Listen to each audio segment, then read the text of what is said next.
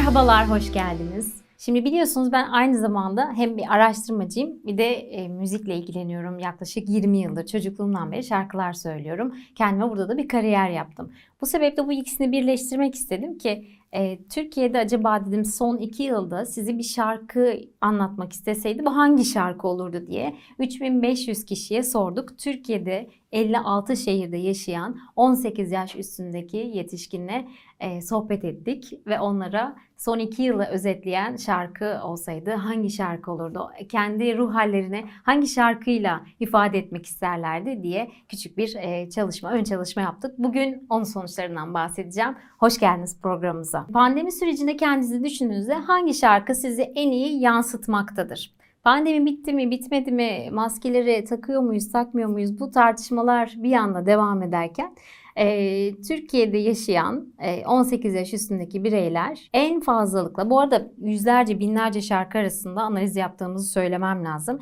E, biz bir ekip olarak çalışıyoruz. Onların isimlerini de mutlaka söyleyeyim şimdi. Şeyda Aydın, ee, ve aynı zamanda Hale Aslı Kılıç da bu araştırmanın içindeydi. Kendilerine çok teşekkür ediyorum. Ekip iş her zaman çok değerli. Şimdi elimizde o kadar büyük bir veri vardı ki. Hangi şarkı deyince insanlar birden fazla şarkı yazmışlar tabii.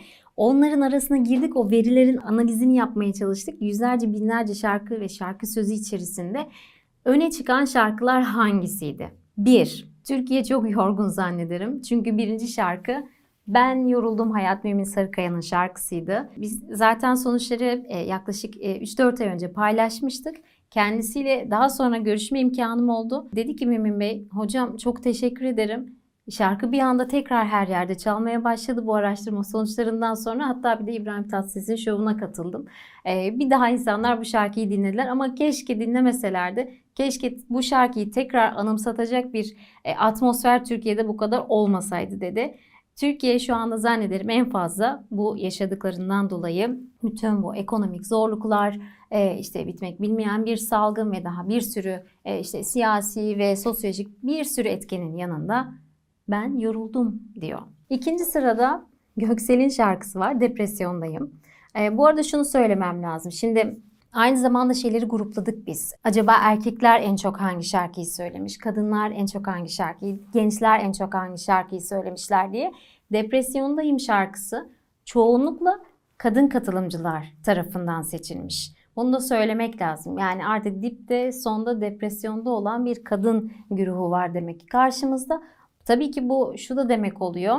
Artık Hani bir yandan salgın devam ederken ev içi sorumluluklar, ev dışı sorumluluklar, çocuklarla ilgilenmek, varsa yaşlı hasta bakımıyla ilgilenmek tüm bunlar kadınlarda zannediyorum ki müthiş bir depresif bir hal yaratmaya başlamış. Bu yüzden de kadınlar sıklıkla size hangi şarkı e, tanımlıyor diye sorduğumuzda depresyondayım şarkısını yanıtını vermişler. Şimdi sosyal bilimci olarak yani bir müzisyen kimliğimi bir yanında tutayım. Müzik aslında bize toplumu en iyi anlatan araçlardan bir tanesidir. Ama her zaman da olumsuz bir tablo üzerinden bakmak istemiyorum bu şarkılara. Çünkü aslında bir yandan da insanlar umut da istiyorlar değil mi?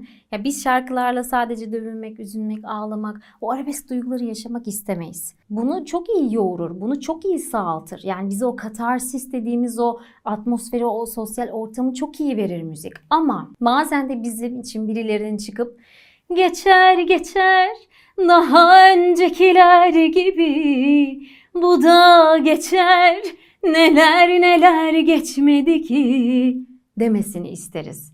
Zannediyorum katılımcılar da böyle demişler ki 3. sıraya Sezen Aksu'nun Geçer şarkısını koymuşlar. Bu da benim aklıma ne getiriyor biliyor musunuz? Son hani 1-2 haftadır Tarkan uzun süre sonra bir şarkı çıkarttı. İşte pandemiyi anlattı değil mi?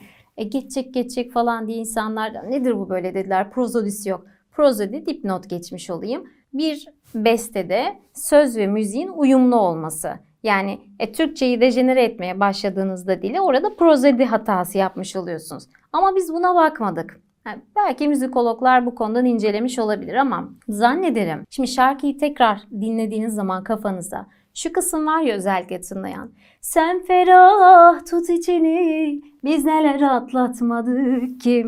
Şimdi bu şarkının bu kısmı daha öncekiler gibi bu da geçer. Bu kısımla çok örtüşüyor. Bir yerlerde Türk toplumu bu acıların geçip gideceğini, Çünkü aslında geçmişlerinde kendilerini güçlü olabilecekleri birçok kahramanlık hikayesiyle tekrar ve tekrar karşılaştıklarını biliyorlar. Bunu da atlatırız. Bu da gelir, bu da geçer demişler. Bir diğer şarkı yine Edip Akbayram'dan Güzel Günler Göreceğiz. Bakın bunlar da umut barındıran şarkılar.